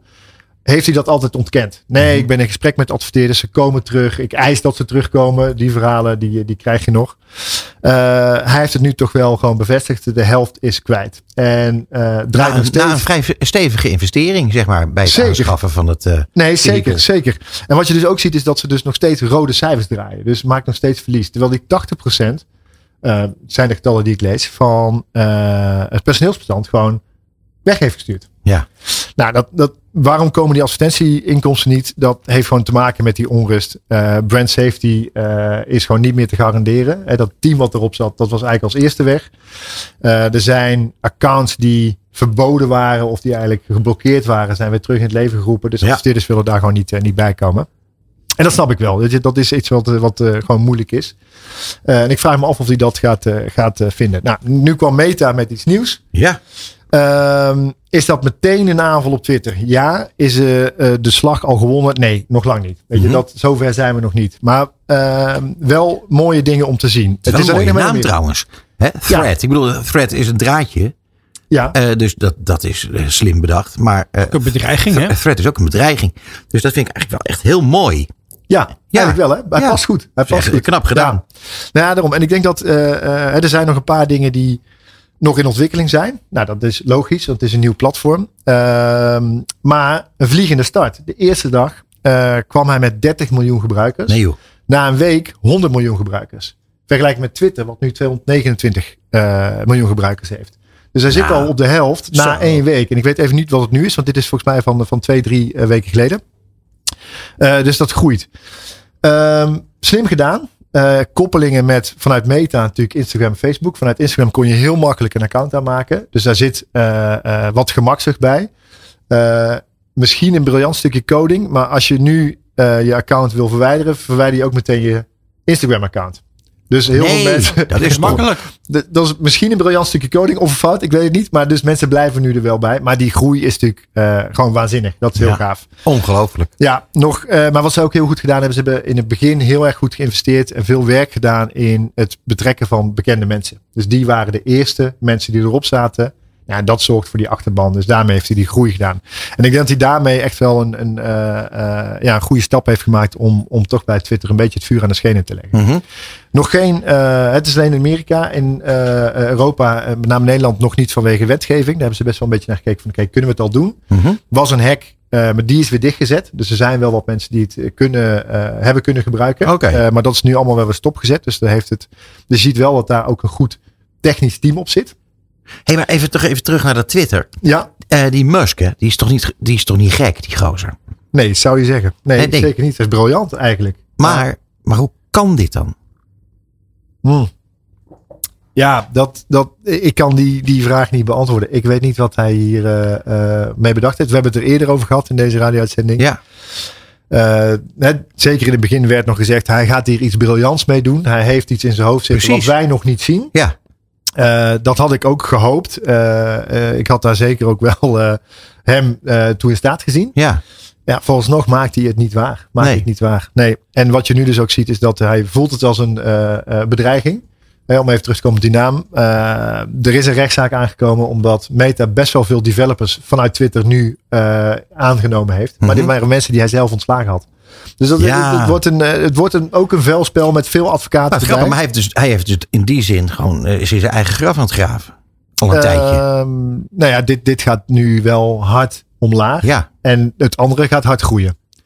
Ehm, eh, wat denk jij? eh, wat er gaat gebeuren? Denk jij dat de thread eh, echt een grote dreiging is voor Twitter? Ehm, ik denk wel dat, dat we dit goed in de gaten moeten gaan Ja. houden. Dit gaat iets worden. Er zit nog geen commercieel model achter. Ehm, dat zagen we ook eerder bij Facebook, ook bij Instagram. Dat gaat wel komen met gepersonaliseerde advertenties. Maar hoe ze dat vormgeven, weet ik nog niet. Ik denk dat dit zeker een, uh, iets is wat we in de gaten gaan houden. Dus dit gaan we bij deze show echt nog wel vaker bespreken. Leuk. Dat lijkt mij ook. Om dit echt gewoon goed uh, te bespreken en terug te laten komen. Uh, ja, dit, dit gaat iets moois worden. Dat weet ik zeker. Nou, uh, Christian, het was weer een feest. Uh, ontzettend bedankt. We zien jou en horen jou over twee maanden weer zeker. terug in ons programma. Ja, Heel graag tot dan. En ik wens je een mooie zomer, man. Super. Dit is Marketing Report op Nieuw Business Radio. En onze volgende gast in de studio is Ate van der Meer. Hij is chief bij Snakeware. Fijn dat je er bent, Ate. Ja, hartstikke leuk om hier te zijn. ja, Snakeware... Zou je, die, zou je Snakeware even willen introduceren aan de luisteraars? Ja. Voor zover nog niet bekend natuurlijk. Nou, we bestaan 28 jaar, dus dat... Precies, uh, het zou moeten kunnen. Wordt hoog tijd om dat nu dan extra duidelijk te maken. Doe maar even. Uh, Snakeware bedenkt, bouwt en borgt digitale producties met 60 medewerkers vanuit een hele mooie gashouder uh, in Snake. En voor uh, opdrachtgevers in heel Nederland en ook verder buiten. Ja, nou, veel duidelijker kan het niet. Toch? Ja, nee, netjes gedaan. Zeg, jullie waren vandaag ook nog een keertje in het nieuws, Dagblad van het Noorden. Uh, daar uh, was een verhaal over uh, het data-driven digital agency Snakeware. Die een heel verhaal over AI ja, behandelde eigenlijk. Ja, stond ook op Marketing Report. Ja, het stond ook op Marketing Report. Uh, ik zag het trouwens ook uh, op andere kanalen voorbij komen. Uh, dus buitengewoon goed gedaan. Gefeliciteerd. Ja, dank je. vertel even, wat, wat hebben jullie teweeg gebracht vandaag? Nou, we hebben laten onderzoeken, want dat vonden we bij Snakeware gewoon een belangrijke vraag. Iedereen praat wel over AI en mm -hmm. over bijvoorbeeld ChatGPT, maar in hoeverre buiten de mediabureaus en de marketeers wordt het echt toegepast? En bleek dat 80% van de Nederlander eigenlijk een ChatGPT of een AI helemaal niet gebruikt. Of het zelfs uh, gevaarlijk of, of angstig ervoor is. Ongelooflijk. Ja. Ja, terwijl, terwijl uh, er eigenlijk in die zin best wel veel over gepubliceerd wordt. Uh, wat je daarin kunt hebben. Uh, sterker nog, dat je beter kunt aanhaken. voordat, voordat het een, echt een bedreiging voor je zou kunnen worden. hoe, hoe zit het in elkaar? Hebben jullie dat, wat is er verder uit dat onderzoek gekomen? waarom zijn mensen er huiverig voor? huiverig om onder andere hun, hun kennis te delen aan een systeem wat ze ah. zelf niet goed herkennen. Dus okay. geef je ook je rechten en je ideeën aan een systeem wat later tegen je gebruikt kan worden. Mm -hmm. Jonge mensen pakken het heel snel op en die, en die passen het gewoon toe, maar niet heel doordacht. En daar zit ook een groot gevaar in. Want namelijk, uh, jij uh, geeft ook aan dat ze dus eigenlijk wel een beetje gelijk hebben. Uh, met, het, met het weggeven van, van, van, je, van je data, van je kennis, van, van al dat soort zaken. ja, je, je, je stopt heel veel in dat uh, chat GPT bijvoorbeeld. Om er vervolgens een intelligent uh, advies of antwoord uit te krijgen. Ja. Maar goed, inderdaad, waar gaat al die informatie naartoe? Ja, je voedt eigenlijk al je kennis aan een supercomputer. Je geeft dus ook, omdat je gebruik maakt van dat programma, je rechten, je IP. Ja. Aan een cloudcomputer. Uh, en dat betekent dat zonder dat je het weet, je ook de concurrent willens en wetens op voorsprong zet. Want hoe meer data je ja. zomaar aan het systeem voedt, des te meer kennis je aan een derde schenkt. En dan komt Snakeware om de hoek kijken. Ja. Ja, want namelijk, dit artikel was er niet voor niks. Uh, jullie hebben natuurlijk een missie. Uh, dat begrijp ik heel goed, want het is ook je business. Uh, wat, wat moeten mensen doen? Wat moeten bedrijven doen? Nou, je zou hier heel duidelijk een policy om uh, moeten gaan uh, oprichten. Uh, ik hoorde net van een collega bedrijf zei, we gebruiken een interne policy dat we alleen interne AI's gebruiken die dus in een gesloten systeem zitten. Of we hebben regels dat we beperkte kennis aan een AI voeden ja. en de IP, de echte toegevoegde waarde, in eigen huis houden. Want je moet wel je eigen propositie en je eigen merkwaarden kunnen houden die jouw bureau of jouw bedrijf uniek houdt. En de tools ook echt de tools laten zijn. Dus stop niet klakkeloos al die data maar in systemen en, en denk dan dat je sneller en goedkoper en beter werk kan leveren. Nee, dan krijg je uiteindelijk dat iedereen door het midden ongeveer een, eenzelfde geluid gaat krijgen. Je moet wel uniek blijven. Ja, maar zoals je nu zegt, klinkt dat vrij eenvoudig. En ik denk dat het best ingewikkeld is. Ja, ja. en het is ook ingewikkeld. Want je, je moet goede vragen kunnen stellen, maar je moet eerst na kunnen denken. Wat zijn de goede vragen? Want als je gewoon aan ChatGPT vraagt, van, geef mij uh, via het AI-model uh, een actie die ik voor een klant zou kunnen ga gebruiken in de zomer, krijg je best een leuk antwoord terug. Ja. Maar als je niet van tevoren meer kennis hebt en meer onderzoek uh, hebt over het vakgebied en over de klant en wat je echt zou moeten doen, echt het IP van het bureau, de toegevoegde waarde, Ja. ja, dan is het garbage in, is garbage out. Ja, maar hoe bescherm je nou eh, en hoe zorg je ervoor dat je wel de juiste vraag eh, stelt, zonder eh, datgene prijs te geven, wat eigenlijk wel onderdeel zou moeten uitmaken van het antwoord waar je op zit te wachten? Ja, en dat is nu dus het cowboygebied waar we in zitten. Ja. Want die chatbots die gebruiken allerlei data. Midjourney bijvoorbeeld met fotodata. Ja. Alles wordt gescraped en eigenlijk gejat en geherinterpreteerd. Ja, Als ik nu iets met Midjourney wil eh, creëren in de vorm van Andy Warhol, dan krijg ik bijna nagenoeg perfecte beelden terug. ja, Die daarop geassocieerd en geïnterpreteerd zijn. ja. Eh, alleen waar liggen die rechten en hoe zit dat? Dat wordt de komende tijd eh, echt een, een vraagstuk. Ja, daar gaan de juristen een hoop geld mee verdienen waarschijnlijk. Ja, en ik denk dat ChatGPT uiteindelijk ook eh, geld gaat vragen voor bepaalde prompts, bepaalde termen die je dus eh eh, toe gaat voegen. Oh, En dat is ja, natuurlijk ja. het businessmodel. Oh, wat slim. En we hebben een filmpje gezien dat op het moment dat je nu bijvoorbeeld prompt in een Midjourney ketchup, dan krijg je Heinz. Ja, Ja, daar wordt straks natuurlijk ook gewoon Ah, op geclaimd dat als je cola vraagt, dat je bijvoorbeeld Pepsi krijgt, omdat Pepsi meer betaald. advertentiegeld daarin stopt. Dus er komen hele nieuwe krachten. Het is Oh, eigenlijk het begin van het internet weer een beetje. Van Ja. 92, 93. Dat heb je nu met de AI's ook. Er wordt veel mee gespeeld, er wordt veel mee gedaan. Alleen hoe dat wettechnisch en regeltechnisch allemaal gaat. Ja, dat appt daar wat na. Dus dat Ja. gaat de komende maanden een hot topic eh, worden. Eh, Een vraag. Oh, Ja, kijk, nou, nu komt Bas met ja, een vraag. nee, dat is leuk. Wij hebben Altijd een, leuk. eh, een experimentje gedaan, ikzelf, op het JetGPT. En dat vraagt of JetGPT een artikel wilde schrijven met de titel eh, Waarom eh, Donald Trump een toffe peer is. En dat mij niet gering verbazing zei JetGPT, nou dat doe ik niet, want eh, Donald Trump is helemaal geen toffe peer en dat kan ik ook aantonen. En dan als we dat volgen in jouw redenatie, dus als Donald Trump straks zegt, nou luister, ik douw daar eens een miljoen in, ik word aandeelhouder, dan is Donald Trump opeens wel een toffe peer. Eh, ja, dat is voor mij lastig zeggen. Maar eh, je kan heel veel sturing geven. Dat had jij je prompts ook iets anders gemaakt. Dan had hij toch van Donald Trump best een hele leuke goede peer kunnen maken. Maar dat is hoe je hem voedt. Nou, ik dacht dus, da- daar gaat al je republikeinse following als eh, JetGPT, want die vinden dat natuurlijk helemaal niet leuk. Nee, nee, dat kan ik me ook goed voorstellen. Maar of alles via betalen en advertenties gaat, dat weet ik niet. Ik denk dat het wel een hele belangrijke rol gaat spelen.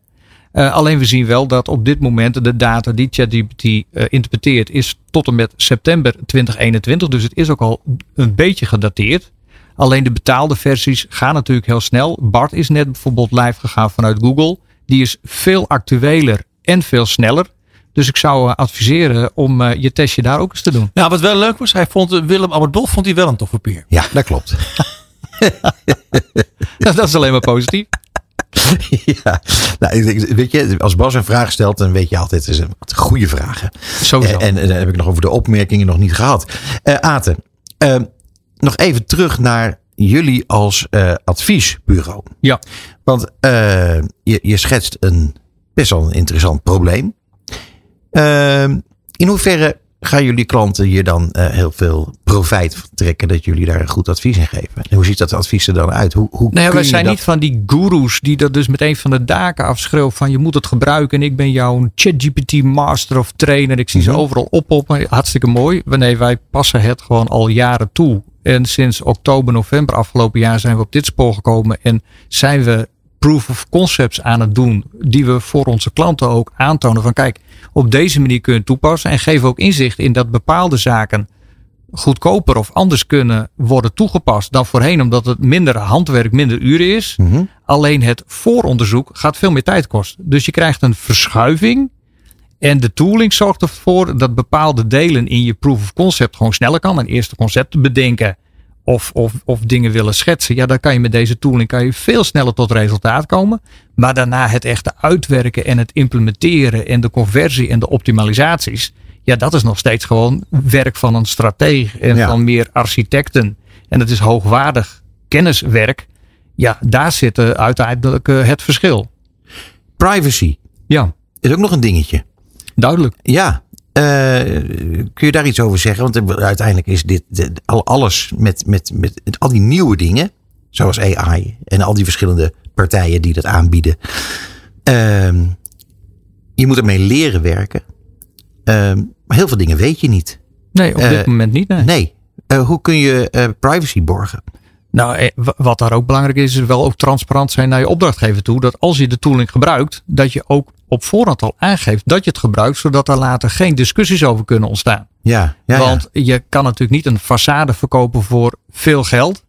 Als je het op een simpele manier door slimme trucken toe te passen. Bureaus zouden dat zo op dit moment kunnen doen. Voor veel geld verkopen, maar slim voor weinig maken. Waarbij het eigenlijk rechtentechnisch niet van jou is, maar gegenereerd is door software. Mhm. Dus je zou dat in eh, je samenwerkingsovereenkomst of in je policy. Of voordat je een contract aangaat, zou je dat wel op zijn minst met één regel. Zou je dat kenbaar moeten maken. Ons bureau maakt gebruik van AI's om bepaalde concepten of processen of creatieve brainstorms te versnellen en te verbeteren. Kijk, dan ben je wel eerlijk. En dat is heel erg belangrijk. Is dat een eerlijkheid die je in de branche veel tegenkomt, Aten? Eh, nee.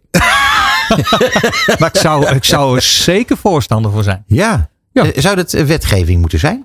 Eh, nee, ik ben niet voor eh, dat alles in wetgeving eh, vastgelegd moet worden. Mhm. Eh, onze AVG, GDPR, wetgeving en regulering vanuit Den Haag is ook een draak van een oplossing. Terwijl het eigenlijk vanuit de browser gewoon standaard zou moeten werken. Als iets via een browser werkt, moet het gewoon wel of niet bepaalde data vrijgeven. In Oh, plaats van dat er allemaal cookie-wetgeving en dat zaken. Dus dit, Ja, ja. dit moet je ook niet kapot reguleren. Nee, het zou gewoon ethisch en vanuit ethisch met elkaar eh, werken en elkaar toegevoegde waarde willen bieden. Een klant vraagt mij wat. Ik kan toegevoegde waarde bieden en er zit meerwaarde in continuïteit en een stukje winst voor Snakeware. Mhm. Op die manier zou je met elkaar eh, zaken moeten Ja, doen. gewoon open, Ja. open Open, transparant, Ja. in partnerships en niet in ik wil jou iets verkopen zodat ik zoveel mogelijk winst maak. Nee, eh, een kwalitatief werk eh, en waar iedereen eh, blij mee is aan het Ja. eind van het verhaal. Ja. En waar je unieke proposities voor je klant mee Hey, maakt. we hebben het nog even gehad over fact-checkers. Want dat is ook nog Ja. zo interessant, vind Ja. ik. Ehm, eh, je kunt eh, met, met, met AI, hebben we intussen al gezien, kun je de meest bijzondere dingen maken die eh, net echt lijken. Die niet bestaan. Je kunt bestaande personen dingen laten zeggen die ze nooit hebben gezegd. Ja. Ja, wat nu? Ja, wat wij nu ook veel toepassen is dat als we iets genereren, dat we dan ook extra AI-tooling weer toevoegen. Die dus gaat kijken in de bestaande database bijvoorbeeld van Google of het ook op bepaalde sites al wordt toegepast. Ah, Oftewel datgene wat, we noemen weer even ChatGPT als voorbeeld, voor jou gegenereerd heeft. In welke hoeveelheid qua percentage dit echt unieke content is die je Mhm. terugkrijgt. Zodat er ook een redelijke aannemelijkheid is. Dat datgene wat je voor jezelf gebruikt of voor je klant plucht mhm. dat dat uniek genoeg is dat een ander niet kan zeggen dat heb je toevallig van mijn site gejat. Ja, precies. Want dat kan dus inderdaad. Ja, echt wel interessant hè. Als je daar dan nog verder voert, dan denk je van eh, het beste is gewoon om het gewoon zelf te verzinnen. Dan zit je gewoon eigenlijk altijd goed. Dat is altijd goed. En dat begint dus bij goed onderzoek, goede prompt schrijven, zaken die je terugkrijgt goed checken, maar uiteindelijk iets leveren wat jij dan, ik noem dat dan een proof of concept, wat voor jou een basis is. En daar als team zelf op voortbeduren en verbeteren en eigens maken. Dan kan je gebruik maken van de toolbox, eigenlijk net als een gereedschapskist. Voor iets wat je in je huis wil eh, toepassen om sneller te verbouwen. Je slaat ook niet de spijker met je duim in de muur, maar dan pak je gewoon uit de tooling een hamer voor. Maar je moet wel weten waar je moet slaan, hoe je moet slaan om die spijker goed in de muur te krijgen. Ja, zo moet je tooling die er nu beschikbaar is, de ChatGPT en Midjourney en BART en al die andere zaken, moet je ook zo zien. Het is gewoon slimme tooling die elke dag krachtiger en beter en zaken slimmer aan jou faciliteert. Alleen de kennis en de kunde en toegevoegde waarde, ja, dat zit in de hoofden van de mensen die het slim toepassen. En daar zit de toegevoegde waarde, daar zit de winst. Denk jij dat eh, AI in zijn algemeenheid een, eh, een zegen is dat dat eh, ons leven eh, in onze business is binnengekomen? Of is het een, misschien wel meer een bedreiging? Ja, het is als bepaalde fastfoodketens, het is gemak. Ja, En als je voor gemak gaat, ja, dan is dit wel super gemak. ja. En als je voor wat mooiers en fijners en beters, ja, dan ga je naar het eh, speciale restaurant. ja, ja. En zo is een ChatGPT ook. Sommigen zullen dat klakkeloos gewoon overnemen en gebruiken. Anderen zullen toch het wel gebruiken. Maar toch meer opschuiven richting eh, specialer bovenkant van de markt, specialisme. Maar eh, voor de markt is het een zegen, want het is echt een revolutie. Ja, hè? Ehm, denk jij ook dat, eh, want ik zou me kunnen voorstellen dat je ehm, bijvoorbeeld eh, bij, bij, eh, bij Journey iets vraagt en iets laat maken. Wat je vervolgens niet gebruikt, maar alleen maar gebruikt als inspiratie. Ja. Want dat, daar vind ik het zelf eigenlijk wel heel interessant voor. Ja, hebben we ook al gedaan voor een orkest in Noord-Nederland waar we voor werken. En dan hebben we gewoon situaties gemaakt dat we de beelden sneller konden genereren om iets aan hun beeldend kenbaar te maken Ja. in plaats van beschrijvend. Sprak hun ontzettend aan, maar zij zeiden gelijk, hartstikke leuk jongen, maar dit is geen viool. Huh? Oh ja. Want het was een gegenereerde jeugdige eh, propositie met Ah. eh, violen en dergelijke in. Kijk, wij denken dan, het is een viool. Maar een kenner die zegt, ja, maar een viool heeft geen drie snaren. Hè? En, Ja, en die reflectie Ja. klopt niet. Dus zij, de propositie goed, concept goed. Maar wel even met echte fotografie deze eh, zaken goed uit, uitwerken. Ten slotte, Aten. Eh, nu we het dan toch over die viool hebben. eh, zou je dan kunnen zeggen dat eh, eh, eh, gewoon menselijke creativiteit, eh, kwaliteit van business, kennis van zaken, eh, dat dat eigenlijk gewoon nummer één is en dat AI speelt de tweede viool? Daar kan ik me heel goed eh, bij aansluiten. Ja? Ja. Fijn. Nou, dan heb ik het samengevat. Aten van der Meer, Chief bij Snakeware. Ontzettend fijn dat je naar onze studie bent gekomen. Ik vond het een heerlijk gesprek. Dankjewel. Dit is Marketing Report op Nieuw Business Radio. Wat een heerlijke gast hebben wij vandaag. En dat is nu opnieuw aan de orde, dames en heren. Els Dijkhuizen, marketingdirecteur Heineken Nederland. Welkom in de studio.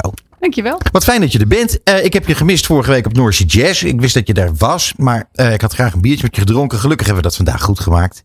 We schenken hier het juiste merk. Heb je gezien, hè? Ja, zeker. Nooit 100 juist een andere merken. Eh, ja, maar ook voor jullie. Ja. Ja. Hé, hey, maar Els, ehm, het jubileum, daar wil ik met jou over hebben. 150 jaar. Eh, grote campagne. Eh, we gaan eventjes over de verschillende onderdelen van de campagne hebben. Ik wil alvast beginnen met een compliment. Want ik vind namelijk de commercial op televisie, die vind ik zo ontzettend goed, zo leuk. En eh, heel belangrijk, goed geacteerd. Knap gedaan. Complimenten. Vind je dat leuk om te horen? Of maakt je niet zoveel uit? Denk je, dat zijn we gewend. Oh nee, daar ben ik echt super trots op. Oh, gelukkig. iedereen die, die eh, reclames maakt, die weet hoeveel eh, bloed, zweet en tranen in een echt goede productie gaan zitten. Ja. Dus eh, ik vind het altijd ontzettend leuk om te horen als, Oh, mensen, als mensen het ook goed gelukt vinden. Nou, ik heb het nu vaak gezien en ik, ik, ik geniet er gewoon van. Net zoals je bijvoorbeeld aan commercial heel erg kunt ergeren, bijvoorbeeld. Hè? Maar deze is echt ontzettend mooi. Ehm, jij zei tegen mij dat een heel belangrijk onderdeel van die campagne is, zijn de verpakkingen. Eh, dat is iets wat, eh, waar, jij, waar jij van houdt, geloof ik, hè? van verpakkingen. Ja, klopt. Kijk, eh, deze campagne is, is voor het 150 jaar bestaan van het Heineken-merk. En het leek ons echt wel ja, terecht en ook een goed idee om daar een Nederlandse campagne van te maken. Want wij zijn tenslotte ook het land in de wereld waar het Heineken-merk 150 jaar bestaat. Ja. Nou, dan, dan kom je inderdaad met een nieuwe, nieuwe commercial. Maar het is natuurlijk ook belangrijk dat mensen die een biertje drinken en gewoon een flesje in de hand hebben of een blikje in de hand hebben, ook doorhebben dat er wat aan de hand is. Want anders is het toch wel ja, het blijft, het blijft natuurlijk allemaal marketing. Maar anders is het iets te veel afstandelijke marketing alleen maar op tv en YouTube. Ja. Dus de verpakkingen doen volledig mee bij deze campagne. Ja, en dan heb je dus het flesje zelf. Vind ik vrij stoer, moet ik zeggen. Want eh, je, je, eh, het, nou ja, het is stevig out of the box, zou je, zou je kunnen zeggen. Absoluut. Eh, ja, voor de mensen die de verpakkingen niet hebben gezien, eh, zijn eh, op alle Heineken Original en Heineken 0.0 zo is Heineken van het, van het etiket eigenlijk gehaald. Het staat nog heel klein bovenop. En vervangen voor alle ja, bijnamen die, die mensen hebben voor, voor ons biertje. Ja. Nee, maar het is heel stoer. Want ik denk dat dat bijvoorbeeld eh, tien jaar geleden of zo, dat dat, dat niet had gekund. Eh, of men dat niet had gedurfd. Want dat is, ik bedoel, je merk gewoon eh, heel klein, een beetje nog erop ergens. En vervolgens dan eh, gele rakker erop zetten. Ja, ik vind het stoer. Hebben jullie daar lang over moeten nadenken? Hebben jullie er veel over moeten praten onderling in, in, in jullie team? Nou, zo'n campagne komt natuurlijk in- tot stand in samenwerking met ook het Heineken Global Team. En eh, zij hadden eigenlijk eh, de deur opengezet om te spelen met je verpakking. En zij doen dat zelf ook, maar op een andere manier. Wij doen, dachten toen, ja, wat gaan we dan in Nederland doen? En wat is dan leuk? En ja, de, de, de meest herkenbare bijnaam voor eh, Heineken is natuurlijk biertje. Ja. Die we in het verleden ook vaak gebruikt hebben Mooie in de campagne. reclame. Ja. Maar toen dachten we, ja, alleen biertje. Laten we eens wat verder gaan. Dus we hebben online ook een, uh, een enquête uitgezet. Of gewoon uh, zo'n uh, poll. Ja. Om te vragen aan mensen, wat zijn jullie bijnamen voor het Heineken-merk? Nou, daar kwam een heleboel uit. En dan ga je wel met z'n allen nadenken, hoe ver ga je? Ja. Ja, wij vonden het zelf wel humor om ook gerstenatje en koude kletsen erop te zetten. Ja.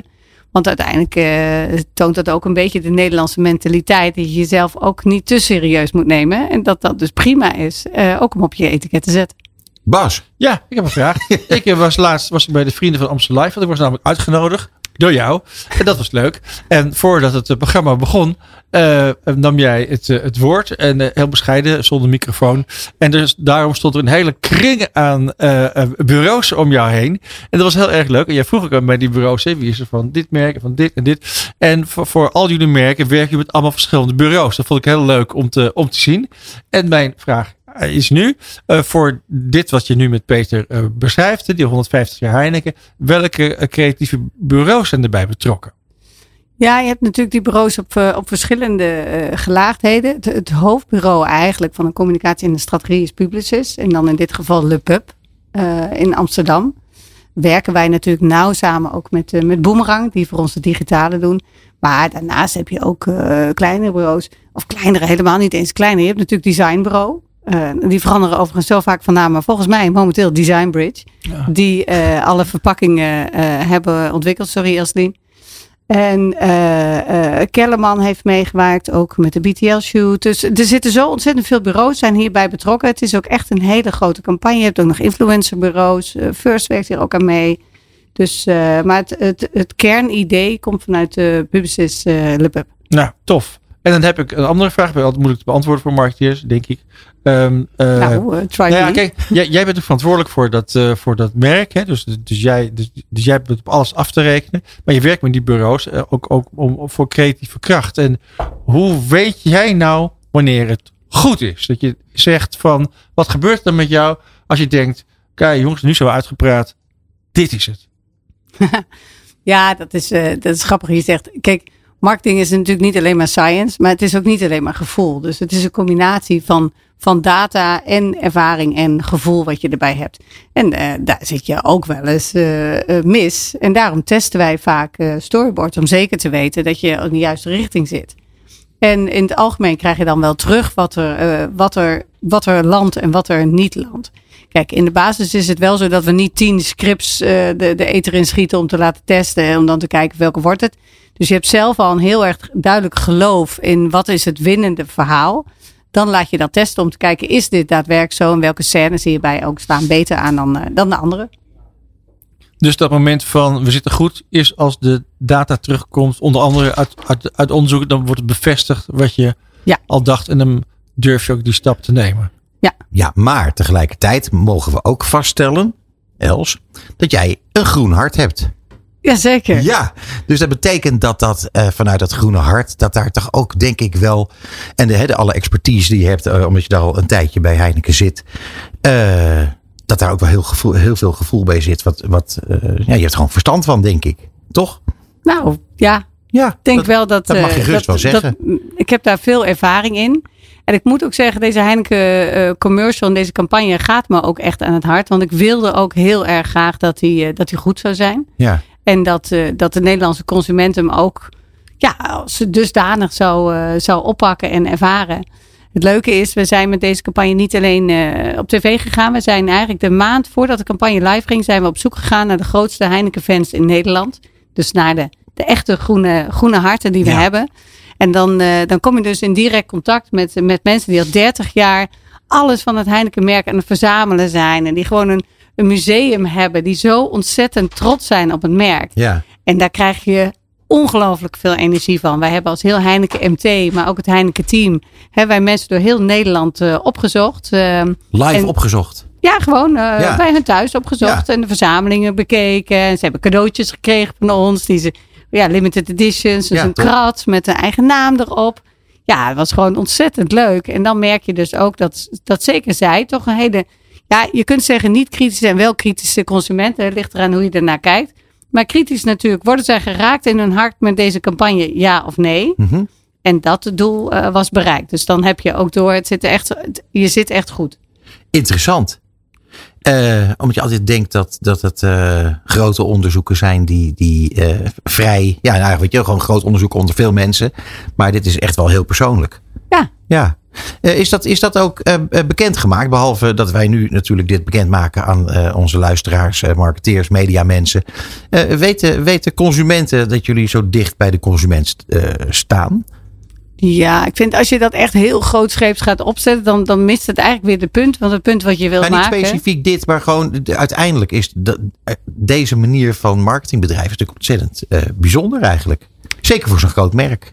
Ja, ik denk dat zeker één op één contact, dat is, dat is toch meer de word of mouth Ja. van vroeger. Ja. En eh, wat je wel ziet is dat een, eh, een aantal, het AD bijvoorbeeld heeft er aandacht aan besteed aan deze, deze groene harten. Die vonden dat leuk en die hebben dat opgepakt. En Ja. daardoor is het wel, wel wat groter geworden. Maar de intentie was ook echt om gewoon op bezoek te gaan. En de waardering uit te spreken voor al die jaren van, eh, van liefde voor het Heineken-merk. Om aan te geven dat, eh, dat wij dat waarderen. Ik moet je zeggen, ik heb het ook voorbij zien komen. Ik heb een mailtje gekregen of ik, of ik zo iemand was die, die Ja. eh, verzameler was van al heel lang van Heineken spulletjes. Klopt. Ja, Wij Jij hebben onze Heineken. kuifje, Peter. ik verzamel kuifje, ja. Ja. Ja, ver- verzamel jij eh, nog wat? Wat? Herinneringen. ja, dat is ook belangrijk. Ja, En, en, Tusker t-shirts. Ik heb de hele collectie. Om het er even in te wrijven. Ehm, wilden we het nou ook nog hebben over eh, verantwoord eh, alcoholgebruik? Of doen we dat niet? Want jij bent nu eh, eh, verantwoord alcohol aan het gebruiken. Tenminste, dat, oh nee, het is helemaal nul. hè? 0.0 is natuurlijk niks. Zeker. Eh, maar hoe zit het met eh, verantwoord eh, alcoholgebruik en Heineken? Nou ja, daar zitten wij als, eh, als Heineken merk, als Heineken bedrijf, maar met Heineken als merk eh, voorop eh, altijd eh, heel groots op in. Omdat we dat heel belangrijk vinden. En eh, ook, ook vinden dat Heineken met of zonder alcohol eh, dezelfde kwaliteitsstempel heeft. Het ligt me net aan wat je gaat doen. Ik ga straks rijden, dus ik Ja. drink nu eh 0.0. Ja. ik heb er een vraag over. Oh, En een moeilijke vraag. Want dat, al- Heineken 0.0 is een enorm succes. Eigenlijk meer succes dan je had verwacht van tevoren, heb ik begrepen. Dus het is gewoon geweldig. Ja? En dan komt nu de moeilijke vraag. Komt dat eh, omdat het zo lekker is? Of omdat het eh, briljante marketing is? En je mag niet zeggen een combinatie. Dat is flauw. Oh, dan ga ik toch voor het eerste. Ja, omdat het echt lekker is.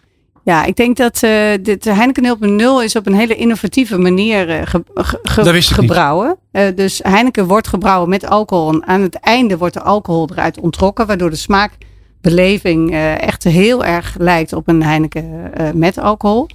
En dat is uiteindelijk denk ik doorslag. Kijk, als je kijkt, je hebt meerdere barrières waarop mensen eh, alcoholvrij bier moeilijk vinden.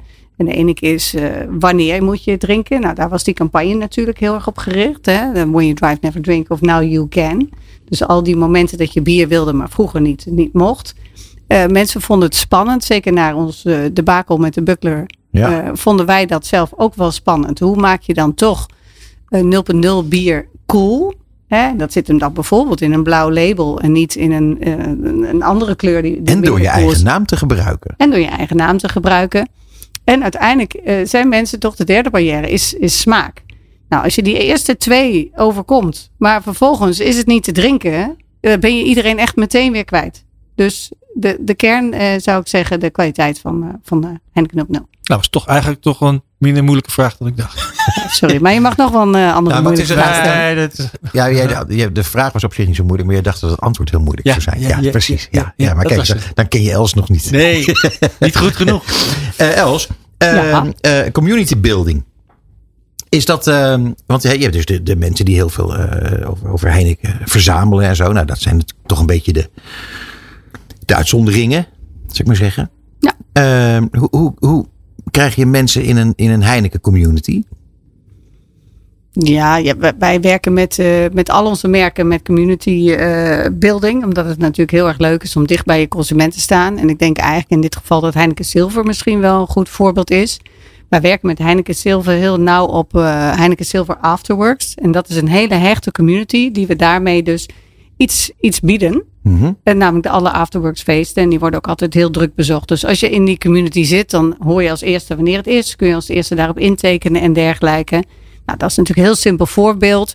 Maar dat is wel een hele actieve community eh, die wij ook eh, vanuit het merk eh, Heineken activeren. Maar hoe, hoe, hoe vul je de community? Ja, uiteindelijk komen mensen, als je, als je mooie dingen biedt, Ja, Dan komen vanzelf. mensen naar je toe natuurlijk. Ja. En dan blijven ze ook. Want hoe vaak teken je niet een opt-in in en dan denk je na drie mails, nou, nu is wel weer genoeg. maar. Ja, ja, dat is waar. Ja, dus maar- je moet ervoor zorgen dat je iets biedt wat ze leuk vinden. Hey, en als je kijkt percentagegewijs, hoe belangrijk zijn die communities dan?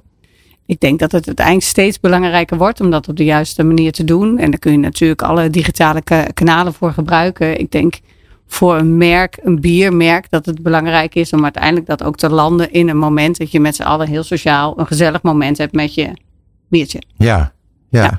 Dus eh, toch een feestje organiseren. Oh, maar dat doe ik heel vaak. Ja. Ja, en, en dan bellen we jou soms ook nog even of jullie eh, ook mee willen doen. Nou, dat doen we misschien wel eens toch? Of Ja, niet? dat hebben jullie al eens gedaan. Dat vonden we hartstikke leuk. Ehm, nog eventjes terug naar het jubileum. Eh, tot wanneer eh, loopt het jubileum? Nou, in principe is de verjaardag dit jaar. Ja, Hè, dus dan zou je zeggen tot het eind van het jaar. Maar wij denken zelf, je bent altijd een jaar. ja een jarig. vol jaar. Ja, Een vol precies. jaar. Twaalf maanden. Ja, dus Ja. misschien gaan we ook nog wel even door. Ja, Eh, buiten, de, buiten hetgeen wat we net hebben genoemd. Hè? Dus je hebt de verpakkingen, je hebt de commercial. Eh, komen er nog andere commercials aan? Eh, komen er nog andere activaties? Wat kunnen we nog verwachten? Nou, we hebben op social media we hebben nog heel veel leuke, leuke assets gemaakt. Verder hebben we ook eh, 0.0 doet volledig mee in deze campagne. En die komt op een later traject ook op tv en YouTube. Oké, Ik denk wat eh, een heel belangrijk aspect is, zijn ook gewoon onze, onze, onze kanalen. Dus onze klanten. En Mhm. daarbij bedoel ik onze retailers en eh, onze horecazaken. Eh alle retailers van Nederland hebben een speciale activatie gekregen. Dan wel een, een, een ijskastje, een koude kletser Ja. of een bakkie. Ja, we hebben nog veel lol gehad bij het maken van deze ik, ja. campagne. ja. En alle horecazaken krijgen ook speciale tinplate. Die krijgen ook speciale dingen om daarin ook weer eh, de waardering uit te spreken.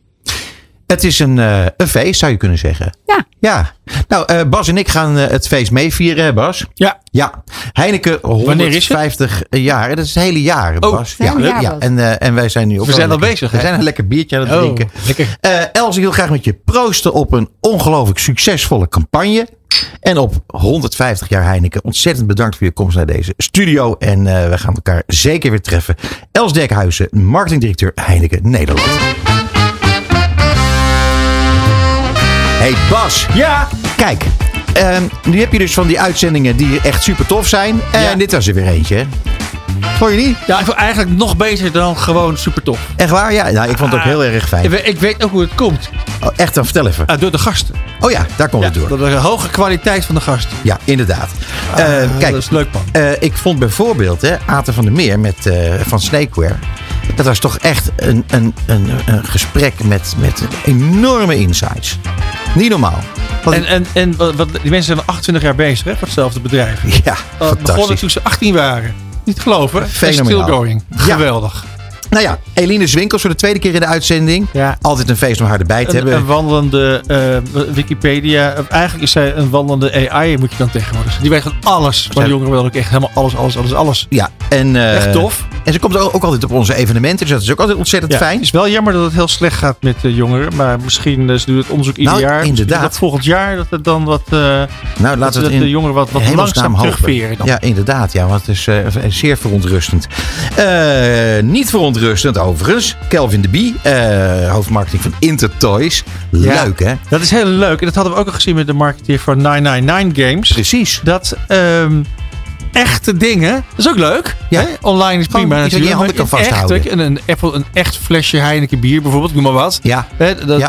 Het digitaal flesje is ook leuk. Kun je van alles mee doen. eh, Design, weet veel wat. Maar the real Ja. thing. Het echte leven. ik vind zelf ben ik enorm van de real thing.